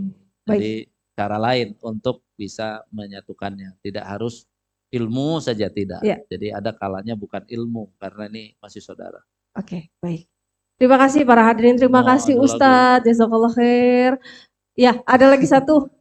Oke, Iya. iya, iya, iya. Bismillahirrahmanirrahim. Assalamualaikum warahmatullahi wabarakatuh. Waalaikumsalam. Eh, punten Pak Ustadz, tadi Pak Ustadz bicara tentang amal soleh yang banyak tapi imannya bermasalah. Tolong di sedikit dikasih penjelasan dan contohnya seperti apa? Iya. Terus, wassalam. Hadis riwayat Muslim. Hadis sahih riwayat Muslim. Itu tiga. Kalau dicari di YouTube banyak itu. Rajulun ustushida. Seorang laki-laki yang mati syahid. Lalu kemudian diadili oleh Allah. Setelah itu ditanya, kenapa engkau mati syahid? Karena Allah. Kata Allah, la. Ya, engkau mati syahid ya ustushida liyuqalu jariun. Engkau mati syahid agar dibilang pahlawan, agar hebat. Namanya mati syahid tuh orangnya nggak pernah perang atau sering perang. Perang itu amal soleh ringan atau berat? Lalu di hadis itu kalau nggak percaya seluruh dunia sudah mengakui kamu eh, pahlawan, kamu tadi pemberani dan semuanya, maka balasanmu sudah diberi di dunia. Maka tinggal saat ini malaikat seret dia dengan mukanya ada di bawah dimasukkan ke neraka neraka jahanam. Itu hadisnya bunyi seperti itu. Yang kedua, rajulun ta'allamal ilma wa 'allamah wa rajulun ta'allamal Qur'an wa 'allamah. Orang seorang yang telah belajar ilmu lalu mengajar. Jadi kalau udah mengajar itu kan ilmunya sudah apa? Sudah mumpuni. Wa ta'allamal Qur'an wa 'allamah. Dia sudah belajar Quran lalu sudah mengajar. Kemudian wafat kamu untuk untuk Allah la innaka. Engkau dusta. Bahwa engkau ta'allamal ilma liyuqalu aliman wa ta'allamal Qur'an liyuqalu qari'an. Engkau mempelajari ilmu agar engkau dibilang orang alim. Engkau mempelajari ilmu agar engkau dibilang menjadi kori.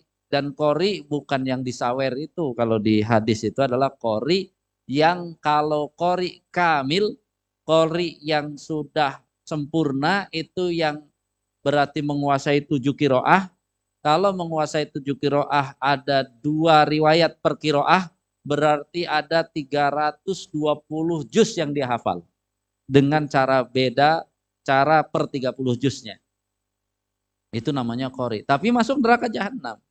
Karena apa? Dia bukan karena Allah. Yang satu lagi kan yang apa? Seorang yang oh, oh, atallahu ya Allah diberikan kepada dia harta kemudian anfaqahu fi likulli ya bahkan disebutkan hadisnya itu dia berinfak likulli asnafin kepada semua asnaf. Dermawan banget sudah banyak hartanya dibagikan ke semua asnaf. Tapi apa? Dia ya begitu agar disebut sebagai dermawan kata Allah sudah nanya semua orang tahu di dunia bahwa kamu dermawan maka akhirnya diseret ke dalam neraka jahanam jadi jawabannya hadis saja itu hadis nanti dicari Hadis sahih. Ya. Jadi artinya amal ini walaupun sehebat apa pun kalau goyah apa keimanannya niatnya jadi dunia tadi habis. Wallahu a'lam. Masya Allah. Oh saya semakin gemeter ya Tat ya. Semakin ngaji semakin gemeter nih Tat. Kayak banyak amal yang salah, maksudnya banyak niat yang salah, banyak yang tapi semoga uh, Allah meluruskan niat kita semua, Allah memberikan ilmu kita semua, Allah juga yang menjaga akhlak kita semua. Uh, Ustadz Sukron, semoga kita bisa ketemu lagi ya Ustadz ya dengan ilmu-ilmu yang lainnya. Amin. Kayaknya saya juga perlu belajar dengan keikhlasan, sabar, apalagi tuh urutannya tuh jadi saya jadi makin kepo gitu ya Pak Ustadz ya. Oke, mohon maaf ya waktunya sudah terbatas. Kalau misalnya memang uh, ada pertanyaan mungkin silahkan langsung ke Pak Didi biar bisa disampaikan oleh Pak Ustadz. Oke, hmm, saya sedikit pantun lagi ya. Ibu Hajah pergi mengaji, pulang-pulang bawa bingkisan. Cukup sekian acara pengajian hari ini. Semoga berkesan dan diamalkan. Amin ya rabbal alamin. Saya Ketani mohon diri dan seluruh pengurus jamaah Aljanati juga mohon diri. Mohon maaf atas segala kekurangan dan kehilafan kami, terutama dari saya bila ada sikap atau perkataan yang kurang berkenan, mohon dimaafkan. Sekian dari saya. Kita tutup dengan doa kafaratul majelis. Subhanakallahumma wa bihamdika asyhadu an la ilaha illa anta astaghfiruka wa atubu ilaik. Mengucapkan hamdalah alhamdulillahirabbil alamin. Dan istighfar tiga kali. Tiga kali. Astagfirullah wa atubu. Astagfirullah wa atubu. Astagfirullah wa atubu. Terima kasih. Wassalamualaikum warahmatullahi wabarakatuh.